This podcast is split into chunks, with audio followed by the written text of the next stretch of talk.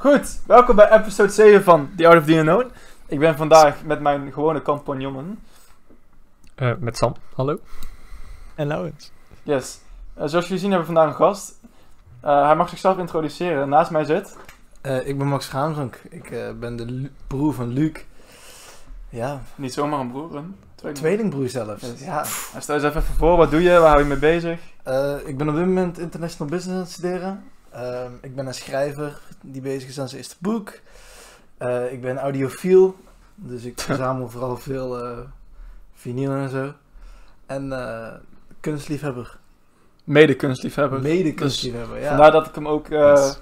een van de gasten heb gemaakt, omdat hij toch wel een leuke inbreng hebt, heeft of, op kunst. En hij, we zijn niet per se in dezelfde kunststromingen geïnteresseerd, maar hij kan wel over sommige dingen meer bijpraten als ik. Dus ik denk dat het een leuke toets is ook voor de verandering uh, ga ik deze episode iets minder praten als gewoonlijk. Want uh, ik heb gemerkt dat ik uh, te veel doorheen lul en dat Laurens een beetje stil is af en toe. Dus we gaan Laurens ook vaak aan het woord laten vandaag.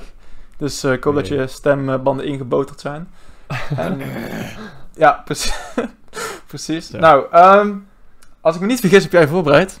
Ik heb me voorbereid, ja. Nou, dan mag jij losbarsten met de eerste vraag. Um, dus ik wou eigenlijk een beetje meer praten over de mythologie in kunst. Um, en dan niet per se mythologie zoals je zou denken van Griekse mythologie, maar verhaal achter kunst. Uh, Of dit nou de gekwelde kunstenaar is die het gemaakt heeft, of de specifieke rol die afgebeeld wordt op het schilderij.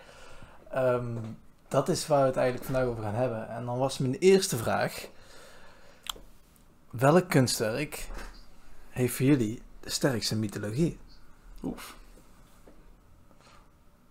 Ik, ik zal misschien jullie wat tijd geven om na te denken. En voor mij mijn eerste... Ja, ga je gang. Ja, go. Ik ben een... Uh... Ja, voor mij is het niet echt per se een kunstwerk, dus het is misschien wel vals spelen op mijn eigen vraag. Mm. Um, maar voor mij is het een kunstenaar. Wie? Edward Hopper. Oh, Hopper, uh, Hopper oké. Hopper is voor mij een uh, kunstenaar die mythologie ten ja, liters eigenlijk aanbrengt in zijn, uh, kunstenaar, in zijn kunsten. En gewoon hoe dat hij verhaal vertelt met weinig of met minimalisatie van mensen vind ik uh, ja, bijna ongelooflijk. En ik vind dat hij daar... Mijn favoriete hoppen? Ik vind die met dat tankstation, ik zou niet op de naam kunnen komen, maar ik vind hem zo geniaal. Want ik, ik noem dat, ja, ik heb die term van die YouTube-video, maar het, mm. ik snap wat je bedoelt. Mm. Het is bijna kunst die je kan ruiken, weet je wel. Het, het, het, het, roept die, het roept dat gevoel op van bekendheid. Mm. Ja, Hopper is bekend van Nighthawks natuurlijk, dat vind ik misschien onze beste, maar dat is een beetje... Uh, jullie zijn waarschijnlijk ook wel bekend met Hopper, uh, Nighthawks, mensen in het cafeetje. Mm Oh, of course, ja. Yeah. Ja, precies. Dat is een bekend schilderij, dat is, uh, daarvan is hij bekend. Uh, Amerikaanse schilderij die eigenlijk heel Amerikaans toch? Want je ja, hij is Amerikaans, ja, ja. ik dacht ja, wel, eens wat, wat heel leuk is aan Hopper is... Um, Hopper was redelijk oud. En ook nooit de kunstenaar die beroemd is geworden, eigenlijk echt. Mm. Maar hij deed soms wel anderhalf jaar voordat hij een schilderij af had. En hij werkte nooit aan verschillende schilderijen tegelijkertijd. Dus elk schilderij kreeg echt volledige aandacht. Cool. En wat heel leuk is, is gewoon dat je kan zien dat alles een intentie heeft of een bedoeling. Hm. Dat vind ik heel knap. Hij was een hele grote fan van boten en van uh, de zee. En daar zie je ook heel veel in zijn schilderijen, vooral gebouwen die echt als boten gewoon in het midden van het schilderij eruit komen. Ja. En, uh, Hopper, is, jij, Hopper is wel jouw kindje. Dat is wel mijn kindje, ja. Ik vind dat Hopper, Hopper ben je altijd over aan het doorpraten. Ja. Nee, ik weet goed dan. Okay. Klopt. Nou, dus, Sam, uh, heb je al kunnen nadenken over... Ja, ik vind, ik vind het een, een lastige. Um, het is ook best een open vraag. Ja. Ik vind... makkelijk. Ik. Wat ik zelf altijd merk... Uh, is bij de schilderijen van Vincent van Gogh... dat je daarbij ook echt zijn gevoel... Uh, dat het echt, ook echt heel erg uit het schilderij lijkt te komen. Dus dat je het echt kan, kan ruiken inderdaad. Of hmm.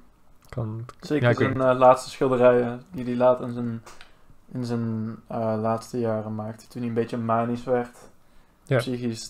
dat, zie je ook. Dat schilderij dat hij zo op zijn stoel zit te huilen, zo met zijn... ja, dat hij inderdaad een beetje dat de, de, paniek ziet in de, in de penseelstroken, inderdaad. dat, dat deed hij inderdaad goed. Ik, of ik het mythologische noemen, weet ik niet. Maar ja, precies, zeker dat is meer een wel... soort gevoel. Of, Ja, Nou, de, de mythologie van Van Gogh is wel iets wat echt... Er is geen kunstenaar die zo'n beroemde mythologie heeft als Van Gogh. mm, Arguably. oef, weet ik, dat is een goeie. Dat weet ik Want ja, iedereen kent Sterrennacht, zou ik zeggen. Ja. Toch? Ja. En iedereen kent de gekwelde kunstenaar met zijn oor eraf. Dus op zich is dat best wel bekende mythologie. Hmm, Ja. Hmm. Hmm. Ja, de zonnebloem is ook echt iets bekend, dus... Mhm. Van Gogh is wel een speciaaltje, ja. Lau. Ja, dus... Oh, Sammy. Nee, Sam, Oh, sorry, ik onderbreek Sam. nee het is oké, het is oké. Laurens, ga jammer. ik, ik weet het echt niet. Ik, ik heb het er niet mee. Heb je er Ehm, echt zwaar mee? Nou ja, zeker als je, als je mythologie zeg maar, zo buiten context gaat trekken. Nou ja, dat niet per se, maar, maar het woord mythologie weghaalt van de eerste gedachte die iedereen altijd heeft bij mythologie. Ja, als je zeg maar, bij het woord mythologie denk ik snel aan, aan Icarus, waar we het vorige keer over hebben gehad. En dan het schilderij van Pieter Breugel. Ehm, maar als je inderdaad gaat kijken naar de mythologie achter bijvoorbeeld een schilderij of een schilder, dan dacht ik aan eh, de schreeuw van Hmm. het event. Ed- Edward Munch. Monk. Munch? Ja, Monk. Monk. Monk, ja, Monk, Monk. ja. Oké, zeker. Monk, Monk, Monk. Dat is ook wel zo'n... Hmm. Nou ja, eigenlijk misschien ook wel niet. Want het is een schilderij dat iedereen kent, maar niet iedereen kent zeg maar zijn verhaal daarachter. Hmm. Ja. Wil Überhaupt, iemand het verhaal Edward vertellen? Monk was echt Ja, Laurens. iemand. Laurens, barst los voor de mensen die luisteren Ja, die misschien niet helemaal het idee hebben van waarom de schreeuw, de schreeuw is. Het is wel lang geleden. Ehm, Ik vul je wel aan als moet. Ik heb het maar goed, het, ja, top. Eh, het kwam er in ieder geval een beetje op neer dat het meer zeg maar, het schreeuwende landschap is. Hmm. Dan dat het de persoon zelf is die schreeuwt. Meer Ja. zijn, zijn Nee, ja, precies. Ja. reactie op Mhm. feit dat het landschap naschreeuwt. Maar. Ja. Nee, dat was hem inderdaad. Eh, het was, en volgens mij liep hij langs de fjord of zo, want hij kwam uit... Moet ik even... Ik ben, die- eh, ik ben niet zo goed met het komt op... Het was Scandinavisch in ieder geval. ja, het Scandinavië. En Mhm. daar liep dus eh, langs, eh, langs die mooie rivier. En blijkbaar werd eh, de, de, de lucht in één keer bloedrood. En hij voelde altijd dus het gevoel dat natuur naar hem schreeuwde. En daarom... En, en hij dus ook schreeuw, moest het gevoel kreeg om te schreeuwen. En daarom heeft hij dat inderdaad zo getekend, zoals Laurens al zei. Maar ik maak het een beetje langdradiger. Dus, ehm nee, ja, meeste mensen kennen inderdaad dat verhaal. En hebben het idee dat het gewoon iemand is die schreeuwt op een brug. Maar het zit eigenlijk best wel een hele mooie, mooie krachtige, krachtige message achter of zo. Ik vind het wel super tof.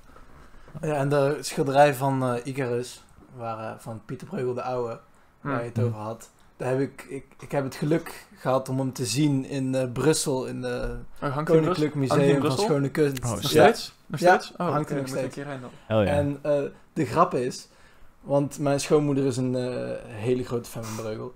Is je hebt dus zeg maar zo dat landschap. Het is eigenlijk niet super speciaal. Dus Icarus is niet zo'n grote Nee, feature. het is inderdaad maar een klein... Ja, maar je hebt echt zo'n mannetje wat je zo langzaamaan het water in ziet vallen. Ja. Maar hij is echt veel te proportioneel groot. Dus het is, het is een beetje lachwekkend, maar het is wel echt een heel mooi schilderij. Het is echt heel indrukwekkend. Ja, het is blijkbaar inderdaad ook best wel komisch dat, het, dat hij gereduceerd is tot zo'n kleine beentjes die uit het water steken. Zo. Ja, ja. Dat is tof. Ja, ik vind Pieter Ja. Breugel überhaupt ook echt een hele Mm. interessante schilder. Met die honderd Ja, eh, gezegdes of zo. Je hebt er veel toch? Want je hebt die jongen, je hebt Pieter Breugel, je hebt Jan Ja, Breugel. luister, eh, hebt- er zijn volgens mij vier of vijf breugels. Ja, het is echt veel. Het is echt crazy. Ik haal ze nooit uit elkaar, daar ben ik moeilijk mee. Ja. Ehm, ik wil jullie ten eerste allemaal bedankt voor, bedanken voor jullie antwoorden. Ik vond het... eh, Mag ik ook nog? ja, zeker. Oké, thanks. Nee, Go. Ik vind het inderdaad een moeilijke vraag, want ehm, nou, wij zijn niet echt een persoon die per se veel praten ook met elkaar over kunst. Soms. Maar ehm, ik denk aan Goya eigenlijk, aan ik wist dat je Francisco. Goya, ehm, de Spaanse. Nou, niet per se omdat hij eh, Saturnus Devouring His Son heeft getekend, maar gewoon omdat hij in zijn laatste periodes van zijn leven zo manisch en bang was voor de Spaanse burgeroorlog, dat hij heel zijn huis heeft ondergeschilderd met allemaal vertwiste beelden en ehm, eigenlijk de voorvader, voorvader van het surrealisme was. Ehm, en daar ook dus in zijn woonkamer Saturn Devouring His Son heeft geschilderd op zijn muur. In zijn eetkamer. Dus eetkamer inderdaad. Ja. En dan, heel zijn huis zat vol met donkere schilderijen en die zijn allemaal eh, dus afgehaald. En het staan nu ergens volgens mij in het eh Prado en Milaan. Prado, dankjewel. Madrid. Madrid, sorry. Ehm, dus ehm, ja, dat is super, super interessant. En ook gewoon, eh, ik had laatst, of een, ongeveer een jaartje geleden, in Eindhoven van Albert Museum zijn etsen gezien. Het was heel erg met zijn heksentijd, dat hij helemaal met heksen bezig was. En eh, dat soort dingen, dat is super interessant. Dus die vent heeft wel echt een soort mysterie achter hem hangen. En eh, op het einde van zijn leven was, ja, was hij ook doof en half verlamd. En eh, dat was echt een vent met, met veel kwalen. Dus het is heel interessant om over te lezen. Ik vind hem en wel een, een van de... Ja, samen met William Blake. Maar William Blake weet ik niet zoveel over. Dus dat moet ik een keer... Zo. Ja, dat is een podcast onderwerp op zichzelf. Ja, William Blake is een eh, aparte, aparte vent. Dat is heftig. Heftig. Oké, eh, dan... ehm, nu dankjewel voor je antwoord. Dan ging mijn volgende vraag eigenlijk zijn van letterlijke mythologie. Mm. En dan wat meer gefocust op ehm,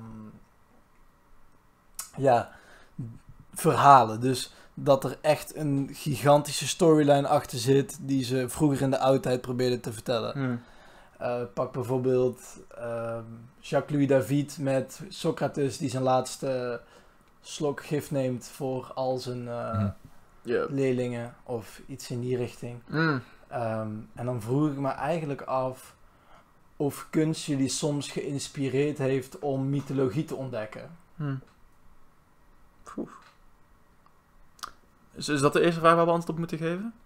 Je kunt, Of breken het af in- in, je kunt overal op inhaken waar je wil. Nou, voor mij, ik was, ik was vroeger een, mensen kunnen relateren waarschijnlijk Peter Jackson. eh, nou, was ik wel echt een, een, een nerd die echt geïnteresseerd was in Griekse mythologie al vanaf, zeg maar, toen ik heel jong was. En dat kan je best beamen. Maar toen Peter Jackson, Percy, eh, Percy, Percy Jackson, sorry. Percy Jackson? Mhm. Heet hij zo? Ja, Percy Ja. Jackson, sorry. Eh, toen dat uitkwam was ik ook zo van, wow, het is nu een film. En toen Clash of the Titans en noem maar op. Ehm, en toen, was, werd het wel een beetje versterkt. En ja, toen, toen ik ook meer in de kunst begon te rollen, had ik ook zoiets van... Oh, hier is het ook heel veel voorkomend. Dus dat vond ik super cool om terug te zien. En dus een beetje allebei. Soms als ik een heel mooi schilderij zie met een mythologie die ik niet bekend mee ben, wil ik daarover lezen. Ehm, dus ja, ik denk dat het eerder bij mij andersom was, maar misschien is het voor jullie juist niet andersom. Dus eh, ik hoor graag wat jullie daarover te... Bij mij was het ook juist andersom. Mm. Ehm, ik heb in mijn kast een boek staan over allerlei goden en halfgoden en zo. En Mm. he- Griekse helden en zo. Eh, ik vond het vroeger ook echt heel interessant. Dus toen heb ik ook dat boek gekocht. En wilde ik ook echt alles over weten en zo.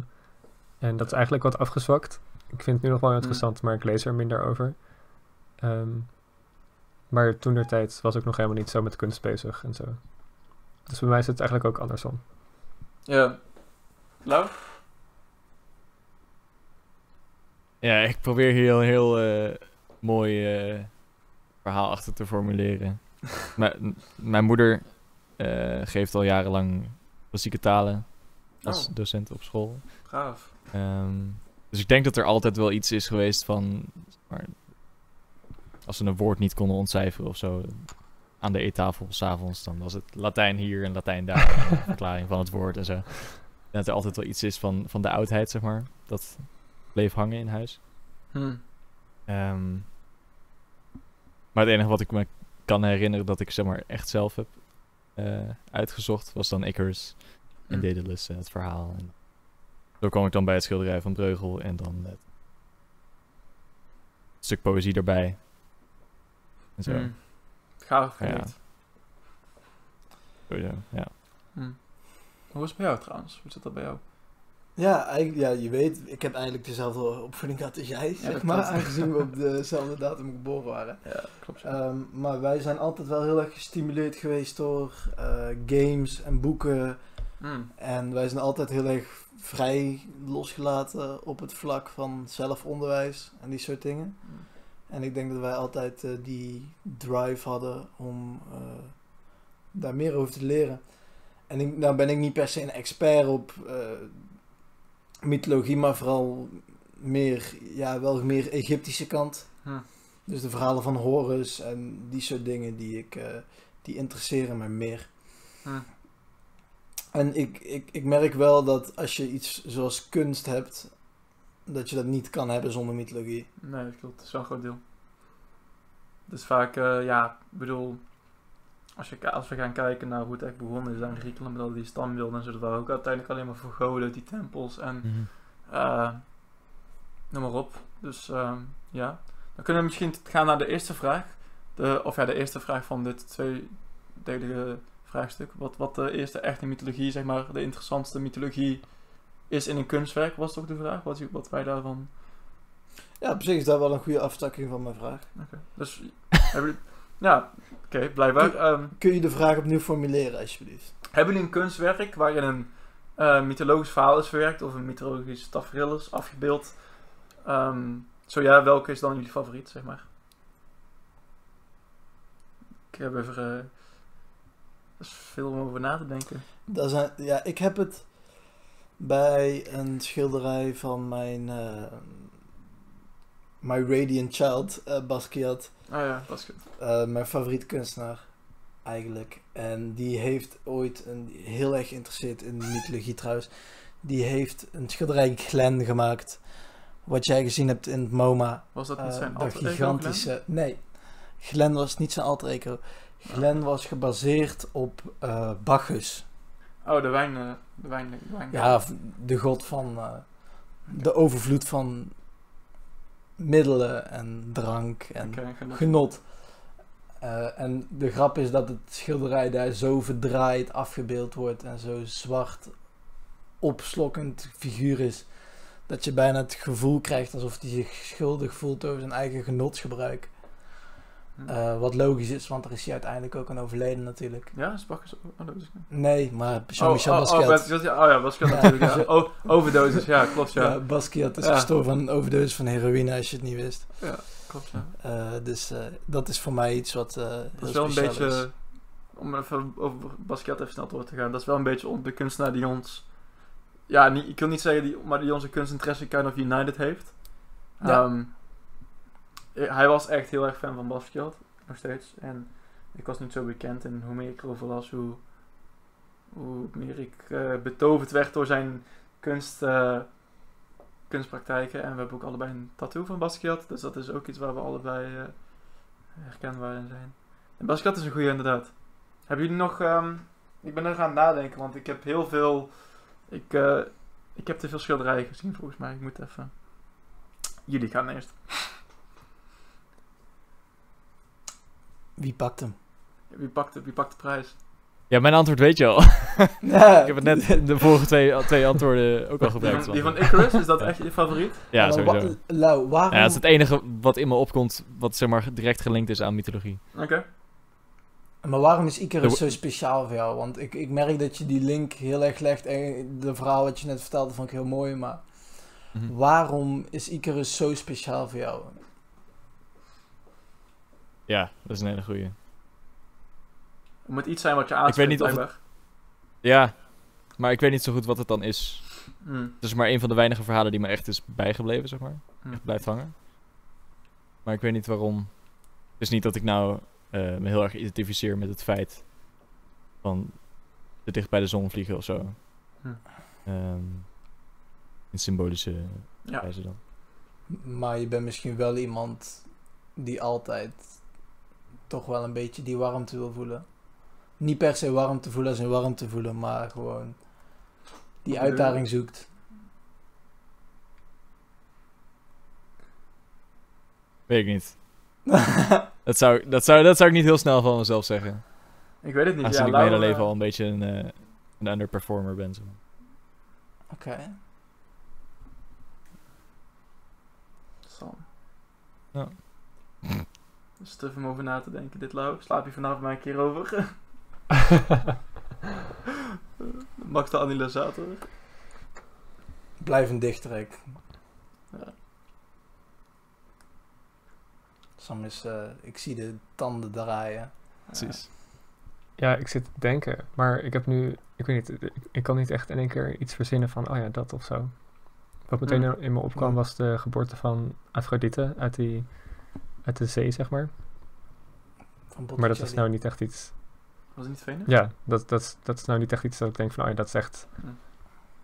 het schilderij of zo, dat ik dan Oké. het mooiste vindt Ja. of zo. Maar dat is nog gewoon waar ik meteen aan moest denken. Maar verder, ik weet niet, het, het is even... ik kan niet, Ja. niet echt op iets anders komen of zo. Ik heb een betere vraag nu. Mag ik? Want ja, je, je mag ook. Maar Ja. ik, zal, ik zal mijn laatste vraag stellen, want ik had er maar drie voorbereid. Oké. En ehm, de laatste vraag is: denken jullie dat mythologie een schilderij versterkt? Of denk je dat het bijvoorbeeld soms heel afbrekend kan zijn? Want als je kijkt naar wat nieuwere kunst, wat moderner, dan is dat natuurlijk anders dan als je kijkt naar bijvoorbeeld de christelijke tafereelen die vroeger zijn afgebeeld of geschilderd zijn. Want ik bedoel, ja, een schilderij van Bos, van hoe dat hij hel zag, Hm. is natuurlijk wel iets heel anders dan bijvoorbeeld hoe eh, Rothko de mythologie van een kerk beschilderde in alleen kleur. Goed. Ik denk dat het ervan afhangt hoe erg je het forceert of zo. Hm. Ehm, en dat je ook. Ja, het is, ik vind het is lastig, want uh, je kan bepaalde mythologie, denk ik, herhalen. Maar daardoor wordt het dan misschien wat minder speciaal, omdat dat dan, dan bestaat er al iets. eh, dan, hoe het, dan bestaat er al zoiets. Ehm, dus de hedendaagse kunst heeft dat dan misschien minder en creëert daarmee dan weer iets nieuws. Ehm, Hm. Ja, inderdaad. Ik doe me een beetje denken aan wat we vorige week hebben gezien tijdens kunstgeschiedenis. Om weer eens terug te komen op Anish Kapoor.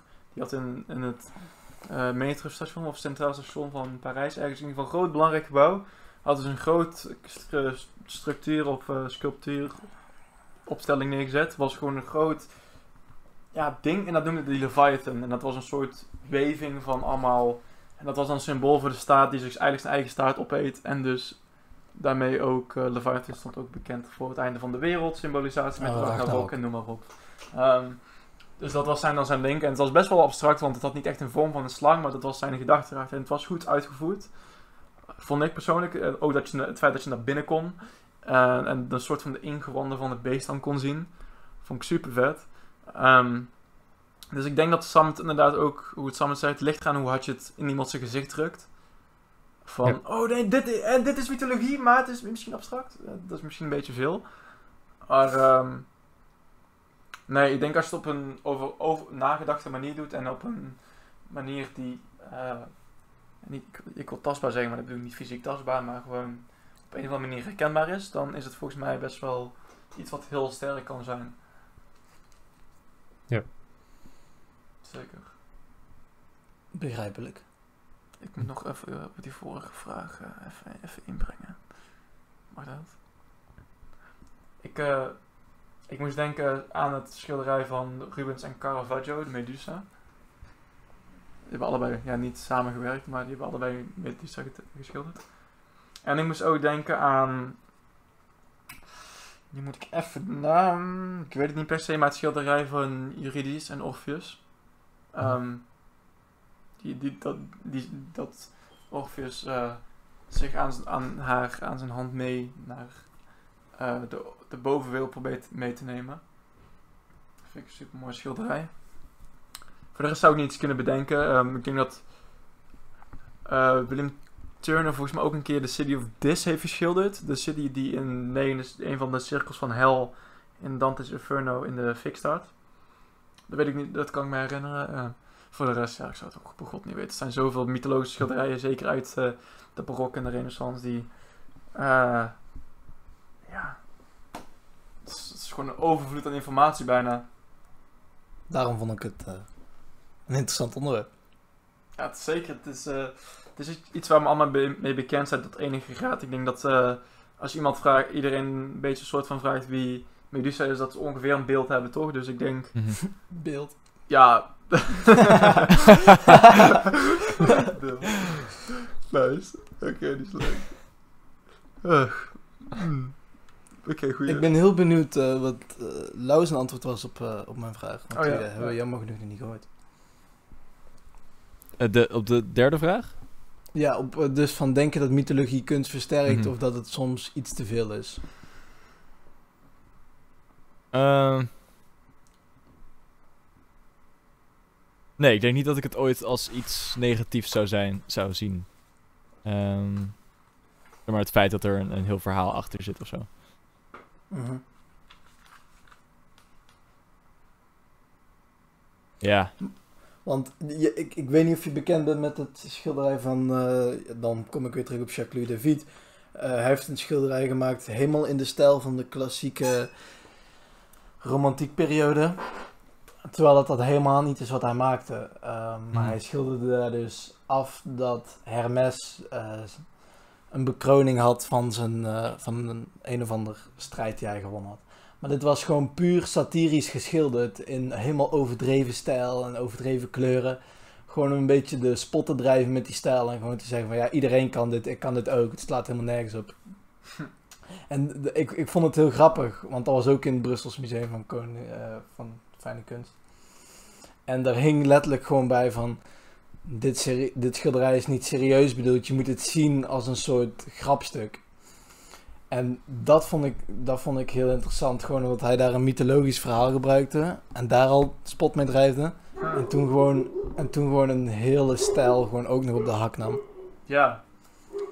Ik, eh, ik weet niet, ik weet niet, ik ken een schilderij, maar ik eh, zou ik eigenlijk een keer moeten googlen. dan. Dat zou je daar ook eens moeten zeker weten.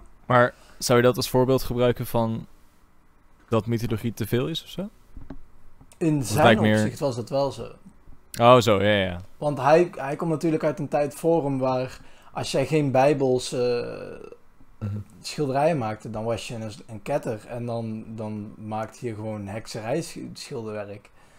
En weet je, iemand kan zich dan maar afvragen van wat als God niet betrokken was met kunst. Wat had, wat had er dan op de Sixtijnse kapel gestaan? Als die Hmm. man niet Ja. als die man niet in dat ho- hokje gestopt werd van maak iets goddelijks. Weet je? En ik Mm. denk dat dat wel limitaties zijn die die kunstenaars gehad hebben. Ja, nou, misschien is dit een leuke oversprong om te maken van, religie naar, van, van mythologie naar religie. Ehm, Wat ook mythologie is uiteindelijk. Ja, uit- Ja, uiteindelijk wel. Ja, zeker, sowieso, sowieso. Ja, ja, dat zeker. Nee, inderdaad. Wat zou er gebeurd zijn als kunst geen religie had? Is het een, zou het dan een, is, religie een verrijking geweest voor, voor kunst of is het een beperking geweest? Wat denken jullie? Dat Moeilijk. is een hele goeie. Dat is een moeilijke vraag. ik, eh, Ja, mag losbarsten als je al iets weet. het is beide. Mm. Want Hm. je hebt aan de ene kant zou kunst niet zo'n ding zijn als je die goddelijkheid niet gehad hebt. Ja. Want de, het hele feit aan kunst, waarom het zo beroemd is, omdat die mensen die wouden laten zien van mijn god is zo goed dat hij dit soort beelden kan creëren, dat hij zulke geweldige tafereelen kan maken. En daarom zijn mensen bekend geworden met kunst. Aan de andere kant, ja, er zijn maar zoveel verhalen die je kan schilderen. Ja. Je, ik bedoel, je kunt, je kunt maar zo vaak Jezus aan het kruis nagelen. En ja, ik bedoel, op een gegeven moment heb je het wel gezien. Dat Rubens het gedaan heeft, vind ik leuk. Maar het, het voegt voor mij niet heel veel waarde toe. Ja, het is wel interessant om te zien welke, dat verschillende kunstenaars verschillende interpretaties hebben van het, eh, van het eh, verhaal. Zoals de kruisnaging van Rubens is veel vreder als bijvoorbeeld eentje uit de, uit de renaissance. In de renaissance is het allemaal wat gracieuzer en wat, ook wel spanning, maar in, in, in, in, bij Rubens heb je echt dat spotlicht en dat de bloed uit zijn handen. En dan draai je zich met vijf man, met gespierde mannen hem van het kruis af. En dan denk je van wow, eh, what the fuck, eh, dramatic much. En dan... ehm, Net zo heftig als die van Caravaggio trouwens. ja, die van Caravaggio is ook, eh, ja, Caravaggio is ook lekker dramatisch, dus daar niet van. Nee, ik denk dat religie inderdaad het, het, het allebei, het, het beide heeft gedaan. Ja, want Ze hebben wel gevochten tegen de verlichting. Hm? Ze hebben wel heel erg gevochten tegen de verlichting van kunst. Nou ja, op zich was kunst ook al een verlichting. You could argue. Lau, sorry dat ik je onderbrak, jongen. Nee, maar niet uit. Nee, ik denk inderdaad niet dat je een, eh, eh, een, een vast antwoord zou kunnen geven op die vraag. Of, eh, of wat er gebeurd zou zijn als religie en kunst nooit gelinkt zouden worden. Mhm. Zouden waren geweest. Ehm,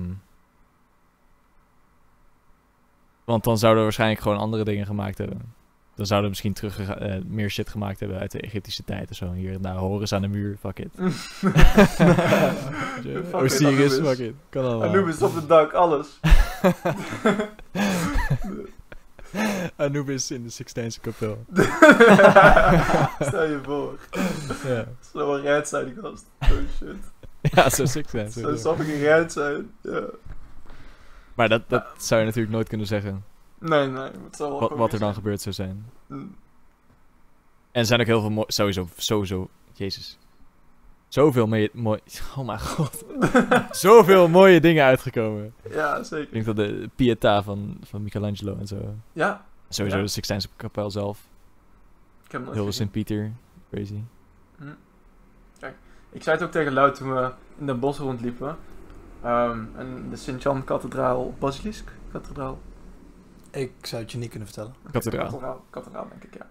We liepen daar de Sint-Jans-kathedraal en ja, dat is gewoon Heel indrukwekkend. heel indrukwekkend. Ik, eh, elke keer als ik er binnenloop moet ik denken aan de begrafenis van Bomma op een of andere manier. Omdat wij naar Bomma hebben daar de ceremonie gehouden. En ik weet nog dat we naar binnen liepen met haar kist en ik keek naar boven, naar, dat, naar die bogen en ik dacht, wow, what the fuck. En ik was echt helemaal onder de indruk en het was echt alsof die steen, die steen op mijn schouders lagen. Het was beetje een drukkend gevoel, maar ik zei tegen Lau van, ik heb eigenlijk helemaal niks met religie, het- als ik een ding zou moeten kiezen wat, om uit te eh, wijzen wat religie heeft gebracht waar ik super blij om ben, zijn het wel kerken. Want ik vind kerk echt gorgeous. Dat zijn, dat zijn immense gebouwen. Ik zou geen idee hebben hoe ze dat hebben geflikt, zoiets.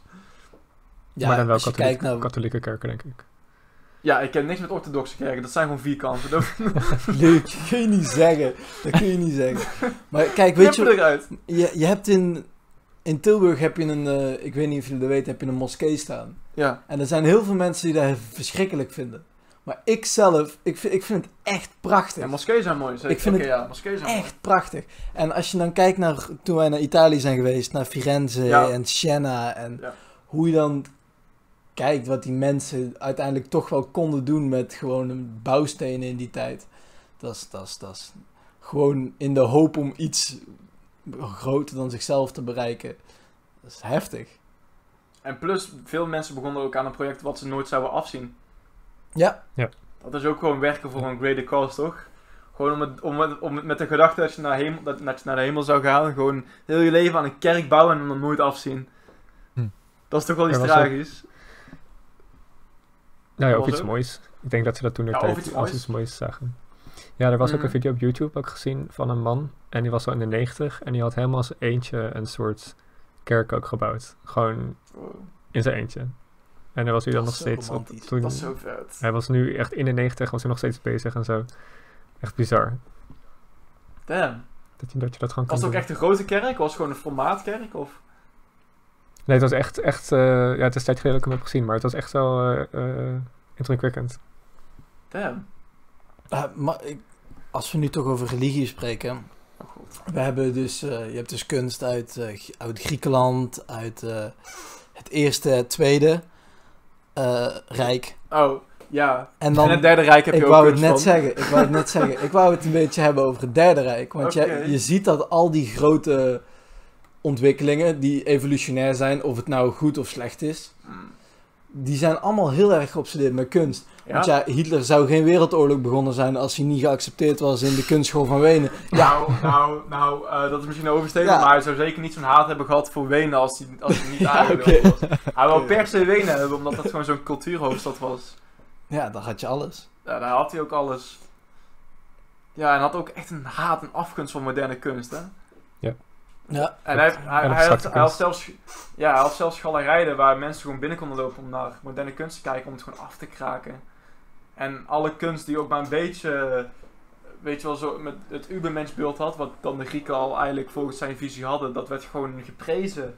En alles wat maar modern was of abstract, werd gewoon de grond ingeboord. ja want ik heb toen... eh, ik ben toen geweest naar die... eh was toen in Den Bosch in het Designmuseum. Dat Oh, ja. ging over de kunst van het Derde Rijk. Was ongelooflijk. Die man die was dus een museum aan het bouwen. Waar al de kunst die hij veroverd had dan zou eh, tentoongesteld zou worden. Net zoals dat wij nu eh Afrikaanse museum hebben en zo. Eh, en Oef. ja, kijk, ja. Maar dus in ieder geval... eh, grote kunstenaars zoals Alexander Calder, die jullie misschien wel kennen van die Ja. mobielen die hingen Ja. en zo. Mhm. Die werkte heel veel met de Duitsers mee. Mhm, En die, mhm. die creëerde die, die gespierde mannen en dan echt gewoon een grote bult in de broek en perfecte kaaklijnen. En het was gewoon een beetje eng, want hun maakten alles van die soort beelden tot jouw meubels en jouw radio en jouw auto's. En, want dat is wat Volkswagen is. Het is- en die, dat is gewoon de eerste marketing geworden, maar het blijft wel kunst. Ja, ze hebben het goed aangepakt Ja. als je het van hun perspectief ziet. Doe me ook Ja, denken zeker. aan Operation Paperclip. Ehm, ik weet niet of je bekend zijn met Operation Paperclip. Zeg maar, na de Tweede Wereldoorlog heeft, eh, heeft NASA eh, Duitse wetenschappers naar Amerika genomen om voor NASA te werken. Het heet Operation Paperclip. En ehm, dat, dat was eigenlijk... wa- mensen waren daar gewoon... de ergste mensen die in de Tweede Wereldoorlog de onsprekelijke praktijk hebben uitgehaald. Werkten gewoon la- jarenlang, decennia voor NASA. En dat, dat, daar kwamen ze later pas achter. En die hebben gewoon aan alles en nog wat gewerkt. De raketten en de dingen, de, de, de wifi-centrale waar mensen mee verbonden waren. En dat is, dat is gewoon... Ja, Dat, dat hebben ze gewoon na de oorlog gewoon geflikt in Amerika. Ik snap dat niet. ja heftig man. Dat Ja. de Ja, technologie... dat is lastig. hè. Is Op zich begrijpelijk. Ja, het is slim, Als je maar kijkt het- naar hoe Duitsland eigenlijk bijna single-handedly, zeg maar... eh fuck it, we gaan bommen maken die zichzelf kunnen propellen. Hatsa, V1, V2. Oh, misschien kunnen er mensen in. Wow, let's go. We gaan naar de maan. Ja, nou ja, eh, Duitsland was particularly nasty met een oorlog. eh, ik heb iets, ik had laatst iets gelezen, of nou niet gelezen, het kwam in een film voor. Ehm, ze hadden speciaal de vliegtuigen van. De Duitsers hadden zich speciaal uitgerust met een soort eh, trompet of een soort geluid. Dat als ze, als ze duikten, dan hoor je dus een schreeuwend geluid. En dat was een soort psychische warfare. Ehm, want mensen vergeten dat geluid nooit meer van hun leven. Ehm, en er waren nog veel dingen waar ik nu 1, 2, 3 niet op kan komen.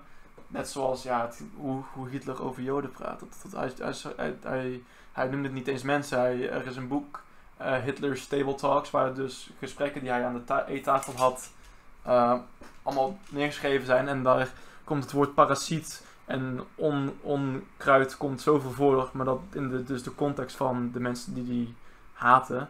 En hij, hij, het was zo onmenselijk hoe hij daarmee is omgegaan. En, maar wel, ehm we hadden het laatst ook over, over, op het einde van de oorlog had Hitler de keuze van of we, we winnen de oorlog door middel van de concentratiekampen even links te laten, of we roeien zoveel mogelijk en zo snel mogelijk van alles uit. Mhm. En hij heeft voor het laatste gewoon gekozen. Niet omdat hij de oorlog wil winnen, maar gewoon omdat hij zo'n haat had voor. Dat, dat, dat, is gewoon. Ja, niet alleen dat, maar hij had op een gegeven moment het gevoel alsof Duitsland hem verraden had. Want Ja. Duitsland was dus aan het verliezen. En toen zag je dus dat zijn eigen volk zwak was in zijn ogen. Eh, plus hij had net Marokko veroverd, dus hij stond strak van de hash elke dag. Serieus? Ja, Was ja, ja, ja, Was je ja. Ja? Mhm. En eh, Wow! Dat wist ik helemaal niet. Cool. wat, je, wat je toen had, is dat hij gewoon dacht van... Ja, Dat wist ik echt niet. ja nee, dat is echt Gek. cool. Damn. En eh, wat je toen had, is dus dat hij zag van... Ja, mijn eigen land heeft me verraden, dus hij wou niks meer redden. En hij focus, eh, daarom is Hitler nog gemener dan mensen dachten dat hij was. Want hij wou niet alleen mensen uitroeien. Hij wou zoveel mogelijk schade doen in zo'n kort mogelijke tijd.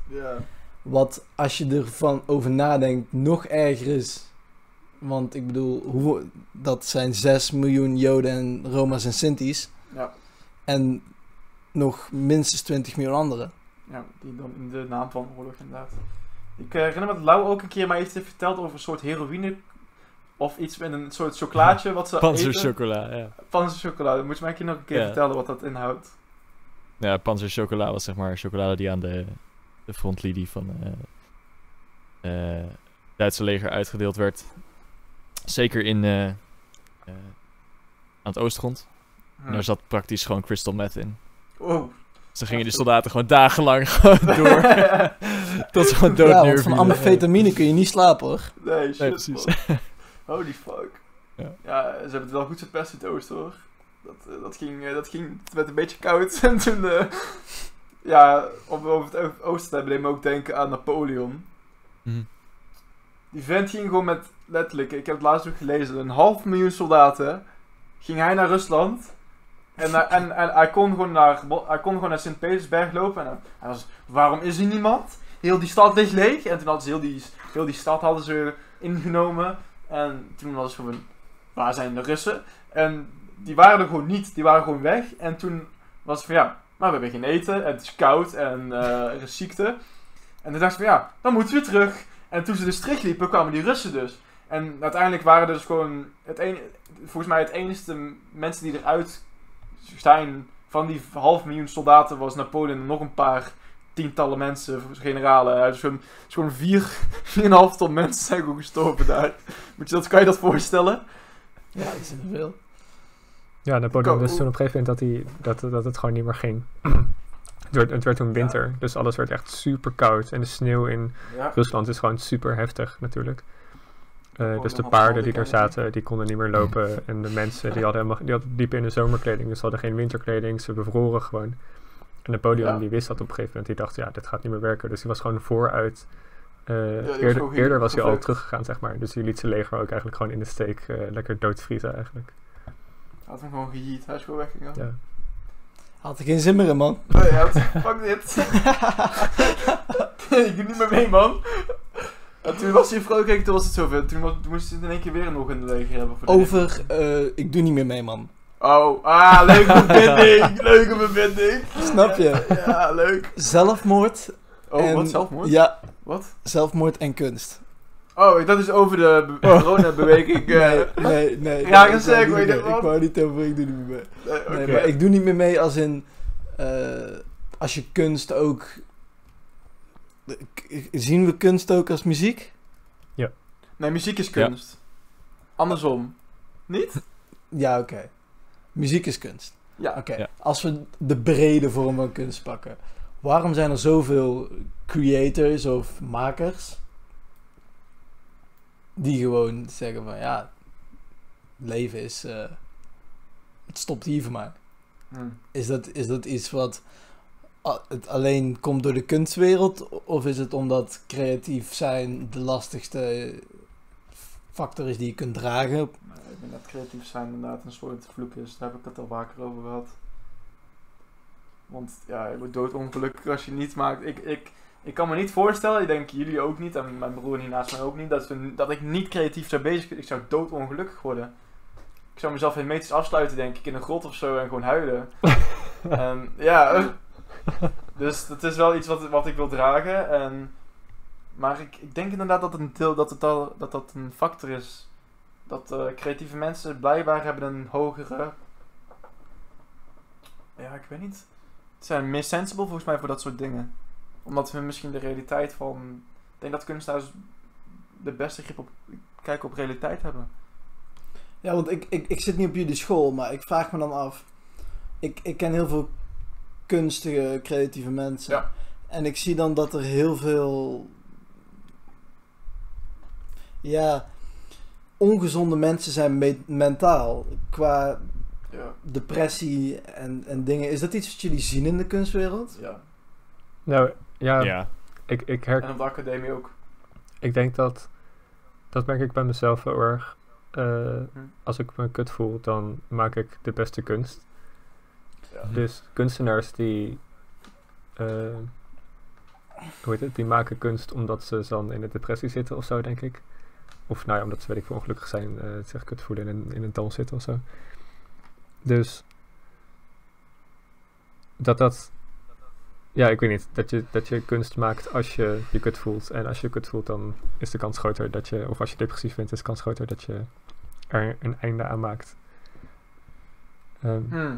Ja, ik heb altijd, ik heb altijd gezegd dat Sisyphus een soort van patroonheilige is voor de creatieven.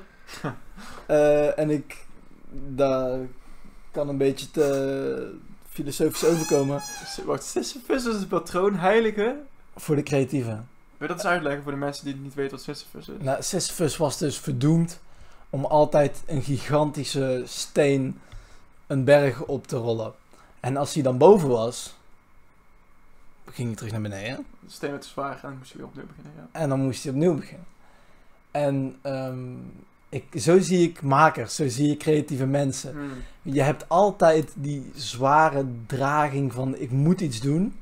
En als je dan een project gedaan hebt en die kwelling overwonnen hebt, is er meestal gewoon een nieuwe kwelling. Ja, dat klopt. Ja, dan wordt die steen in één keer weer zwaarder en dan moet je weer onderaan. berg. Maar je hebt wel een doel. Ja, die berg oplopen. Precies. Mm. Dat is een goede metafoor. Dankjewel. Nice. Ja, netjes. Daar heb ik Ja, er nooit dat over nagedacht.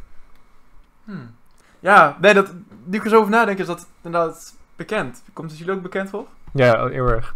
Als ik dan aan, aan het eind van een project zit of zo, dan voelt het heel goed om dan terug te kijken naar wat je hebt gemaakt en zo. Mm. Maar als dat helemaal Mhm. over is en je moet weer, dan gaat dat voorbij, zeg maar. Eh, die soort van flow waar je in zit. eh, dan ontstaat er een bepaalde soort van leegte. En Ja, dat je dan niet meer goed Ja. weet wat je moet doen. En dan rol je dus weer die berg af en dan moet je weer een nieuw doel zoeken. En dan moet je weer opnieuw beginnen met, die met, met omhoog gaan, Mm. gaan rollen, zeg maar. Laurens.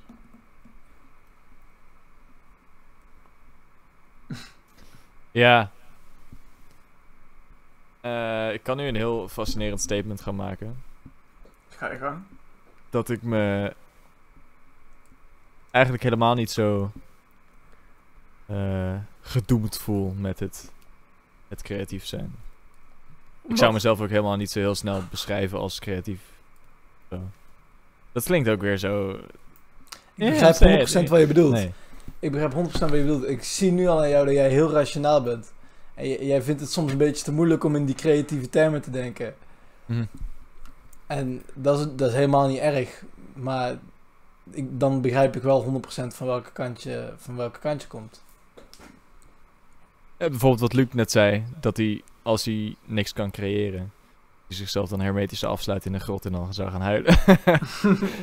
dat, kan, dat kan ik respecteren, absoluut. Maar dat zou ik zelf bijvoorbeeld niet doen. Kijk, als ik niet kan creëren, ja, dan word ik waarschijnlijk best wel eh, over een lange termijn uh, stront depressief van. Maar ik zie het niet mijn, mijn downfall zijn of zo. Nee, maar zou je nooit dan, denk ik niet dat je altijd die, die, die dat, ik bedoel niet dat ik mezelf dan letterlijk zou opsluiten, maar dan zou, Mhm. ik zou er gewoon inderdaad metaforisch heel ongelukkig van worden. Omdat ik, ik denk dat ik altijd die, die, die, die urge ga hebben, die, eh, ja, inderdaad die urge hebben om iets te maken. Of dat nou is met schilderen, fotograferen. Ik denk dat ik altijd iets met iets bezig zou moeten zijn. Dus heb jij dat gevoel niet dat je altijd met iets zou bezig moeten zijn? Of denk je gewoon, ah, het is wel goed? Nou, niet zo extreem, denk ik. Mm, Zeker niet zo extreem zoals jij het nu beschrijft. Oké. Ik, denk, ik denk dat het bij Nee, mij dat, ook- dat, ja. dat is ook... Ik denk dat het bij mij ook vaak is dat ik eh, iets meemaak of iets voel of zo. En dat ik dan denk, hier moet ik iets mee doen. Hier moet ik dan over schrijven of wil ik gewoon kunst van maken, Mhm. zeg maar. Ehm, maar als het gevoel er niet is, dan heb ik ook niet de drang om, om iets te gaan schrijven of iets te gaan maken of zo. Mhm. Dus het verschilt ook heel erg. Maar hebben jullie soms ook het gevoel dat je zonder negatieve gevoel minder goed creëert? Ja. Ja, heel erg. Ja, ik denk dat het... Mijn, mijn origineelste creaties komen wel van een donkere plek, denk ik. Ja, nee, ik heb precies hetzelfde. Maar Denk ik wel, ja. Ja, sowieso. Nou ja, dat inderdaad. Maar dat hoeft niet per se, daar hoef ik me niet per se ongelukkig bij te voelen, maar eh, het kan... Nee, ja, ik denk dat mijn, inderdaad de, de, mijn, mijn beste dingen die ik heb gemaakt komen niet per se uit een ongelukkige stadium, maar ook uit een, uit een stadium van hardship, weet je wel. Van trekken en duwen en een beetje vallen en opstaan, om het cliché te zeggen. Dus, ehm, ja, dat. En is het dan logisch om te zeggen dat sommige mensen dat trekken en duwen op een gegeven moment beu zijn Ja. en dan. Gewoon het niet meer aankunnen en dan, ja, want substantiegebruik is in de kunstwereld heel groot en in de muziekwereld en in de, vooral in Nederland. Eh, en Nou, ik denk dat Amerika toch een stapje hoger is. dat weet ik niet. Ik ben, ik, ik, ik ben niet in de kunstwereld in Amerika, dus ik zou het niet kunnen zeggen. Maar ik merk wel veel nu dat ik ook veel in Antwerpen ben geweest en Hm. dat, het iets dat, het iets, dat het iets universeel is. Ja. Het, het, eh, het proberen te openbreken van, van de limitaties, eh, of dat nou met drugs of meditatie is. Ik zie alcohol ook als drugs, dus dat valt eronder. Mhm. Voor Ja, sommige eens. mensen die daar iets over zouden zeggen. Ik kijk naar jou, alcoholisten. Niet, niet zoveel drinken. Jij bent geen voorstander van drank, hè? Je hebt een hekel aan drank. Nee, dat is niet waar. Ik heb geen hekel aan drank. Nee? Ik heb, ik heb een hekel aan de verheerlijking van bepaalde drugs over andere drugs. Kijk. Want ik ben, ik ben, eh, Rastafari. ja, geen Rastafari, maar ik, eh, ik geloof... Tuinier. Ja, tuinier, laat Ja. het zo zeggen. nou, weet, je wat het, weet je wat het is? Ik ben heel erg geïnteresseerd in drugs. Dus ik, ik vind eh, toxicologie vind ik zo interessant en wat het doet met ons. En heel veel mensen die zijn zo eenpartijdig, gewoon omdat het iets is wat ze kennen. En ik vind ontwetendheid is voor mij de grootste zonde in de wereld. Mm. En als je dan gaat zeggen van dit is beter dan dit, omdat ik dit ken, dan vind ik dat zo'n verschrikkelijk argument dat ik niet met die mensen kan praten. Maar- heb je- dan heb je het vooral over bijvoorbeeld cannabis en alcohol. Dat is het meest voorkomende, denk ik. Ja, maar ook, ook bijvoorbeeld als ik, als ik het heb over eh, LSD of DMT. Mm. Gewoon puur omdat dat drie letters zijn, denken mensen meteen dat het je, dat het je dood wordt. Want hun, hun, hun horen gewoon drie letters, dus het moet wel iets chemisch zijn waar je aan verslaafd wordt en dood aan gaat. Ja. En dat vind ik gewoon jammer, want mensen doen hun research niet. Het is wel een leuke uh, segue van suicide naar drugs. Maar ja, het ligt wel samen. En Het ligt wel samen. zo. Heel close. En naar Hitler en zo, ja. Het ligt allemaal, het is één groot verband. Nee, want als je, als je kijkt naar waar, waarvoor wij leven. Maar voor leven, Max. Wij leven voor gratificatie. LSD. Oh. We leven voor LSD. Eh, Nee. nee, wij, le- wij leven voor Leven echt voor goedkeuring, denk je? Wij leven niet alleen voor goedkeuring, wij leven voor goedkeuring van onszelf. Niet per se voor anderen. Wij willen die dopamine prikkels, het- die serotonine receptoren moeten gestimuleerd worden. Wat voor mensen die die, die dopamine receptoren en serotonine receptoren niet hebben of verstoord? Je weet wat er gebeurt als mensen dat niet hebben. Je hebt dat gezien bij, bij Pak, een voorbeeld wat heel dicht bij ons ligt. Onze opa. Ja. Die, had een, die had een aandoening waarom dat, waardoor dat hij geen dopamine kon voelen. Dus die voelde op bepaalde vormen wel geluk. Maar die kreeg geen geluksprikkels. Mhm. En ja, dan gaat het gewoon, dan op een gegeven moment krijg je gewoon suicidal tendencies. Ja. Je kunt er niks aan doen, want dan kicken de nihilistic thoughts kicken binnen. En ja, wat Komt moet je Nietzsche er dan aan doen? binnen, binnen aankloppen. Dan komt Nietzsche even zo van, I stare into the abyss, motherfucker. Ja. ja, dat is wel, dat, dat is wel een komische manier om dat zo te zeggen. Ja, maar ja dat is zo inderdaad. Maar het is ook, het is ook iets, ik denk dat er ook iets, is het Chinees denk je? Dat mensen, sommige mensen daar 100%. meer een, een, een imbalance hebben in bepaalde stoffen? Ja. Of dat het iets is, eh, ja, Dat, ja, dat is, geen me- dat is geen mening, dat is wetenschappelijk. ja, oké. Hebben jullie, ehm, misschien is dat wel persoonlijk, maar dat, dat, dat mag ook. Hebben jullie daar wel eens ervaring mee? Dat, niet, nou, dan vraag ik niet naar suicidal tendencies, maar ehm, die, die rollercoaster van dopamine, dat je daardoor best wel in sleur komt. Ik denk dat we er allemaal bekend mee zijn tot enige graad. Ja. Bedoel je dan... eh, ja, beschrijf de rollercoaster van dopamine. Nou, gewoon, ja, de- weet ik niet. eh, depressies, eh, angststoornissen, dat hoort er allemaal onder, toch? Ik denk Oh, zo, allemaal- ja, maar- ja, ja. Ja, maar ook gewoon blinde gelukkigheid. Ja, ik, ignorance en eh, luiheid, denk ik ook. Hoort luiheid daaronder? Ik denk dat tevredenheid eronder hoort. Hmm.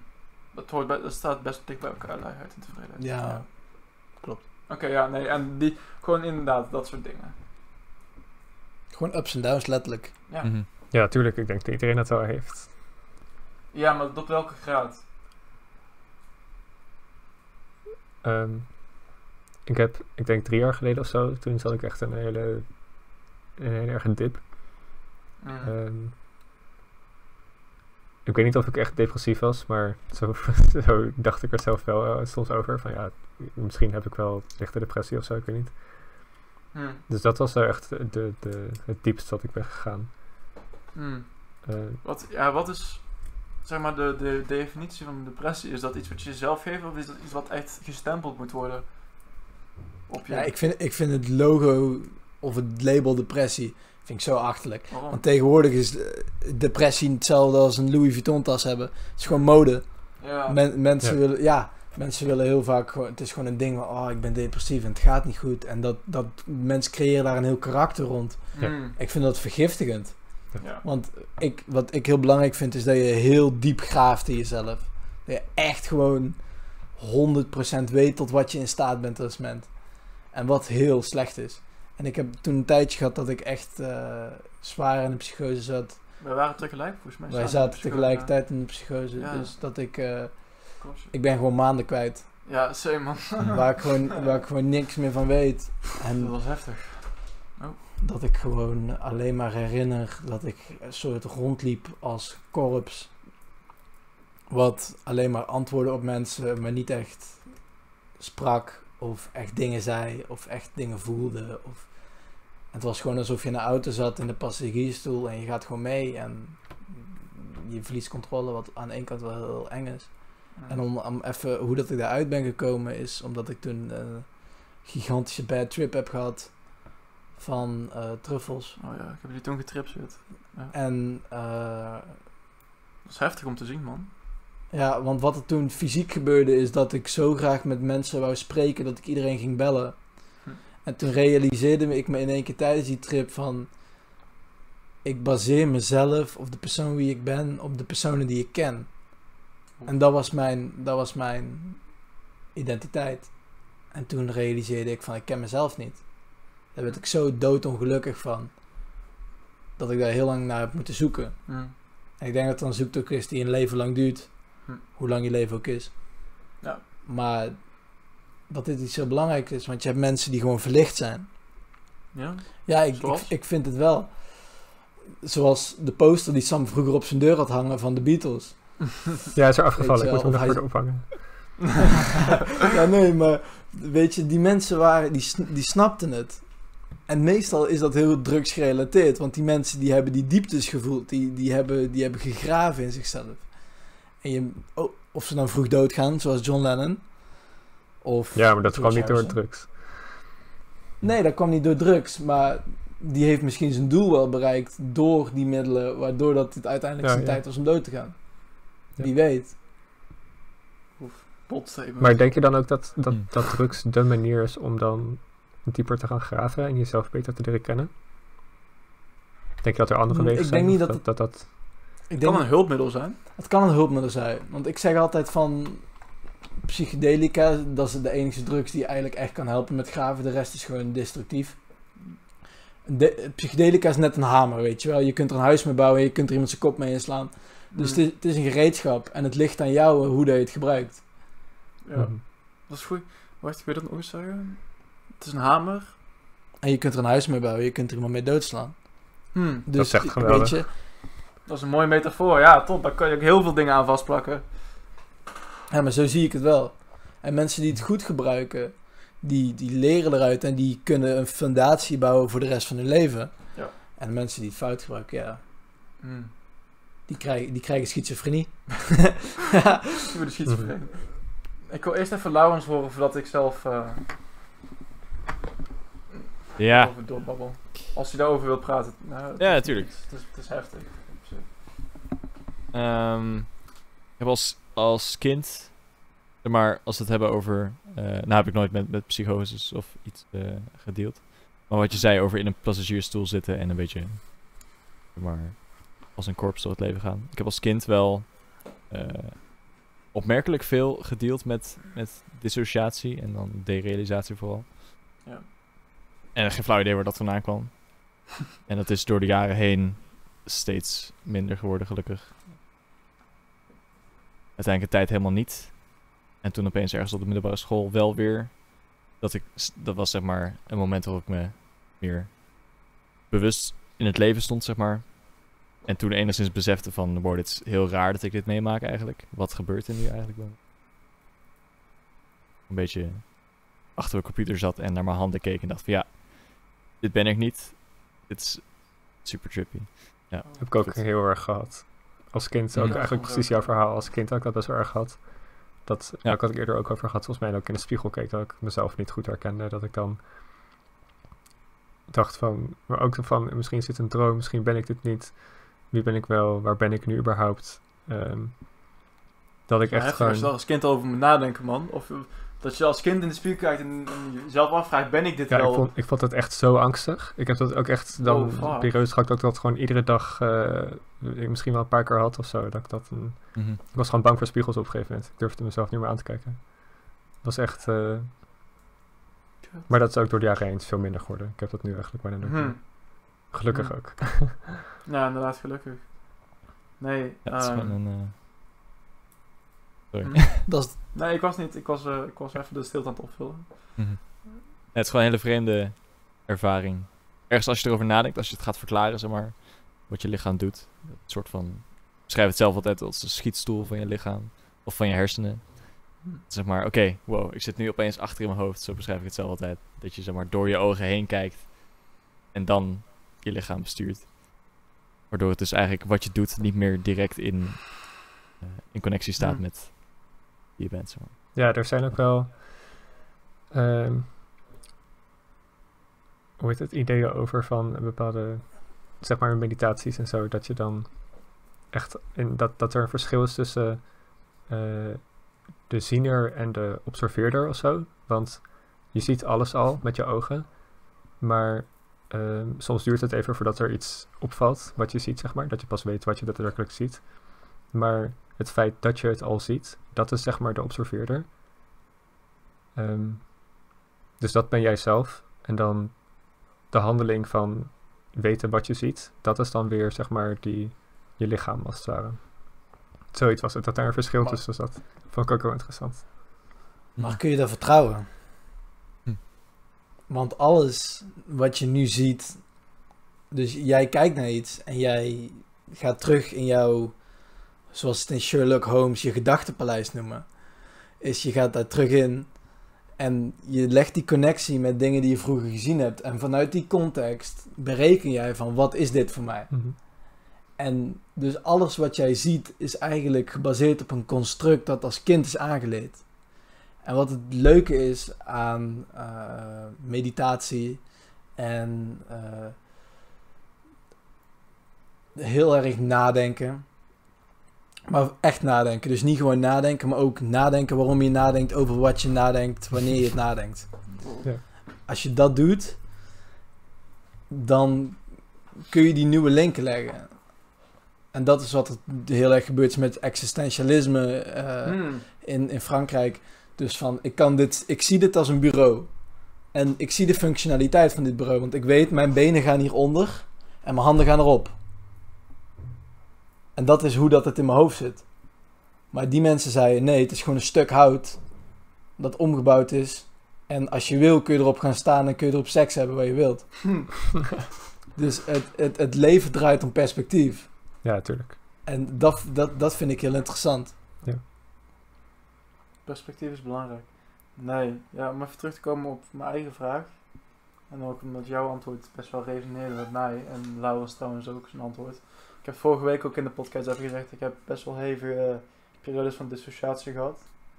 Ehm we kwamen er laatst eigenlijk pas of ja laatst, niet zo lang geleden, ik pas achter dat wij tegelijk, of nou kort, met elkaar een psychose deelden eigenlijk. En niet dat we dezelfde hadden, maar ehm, Twins.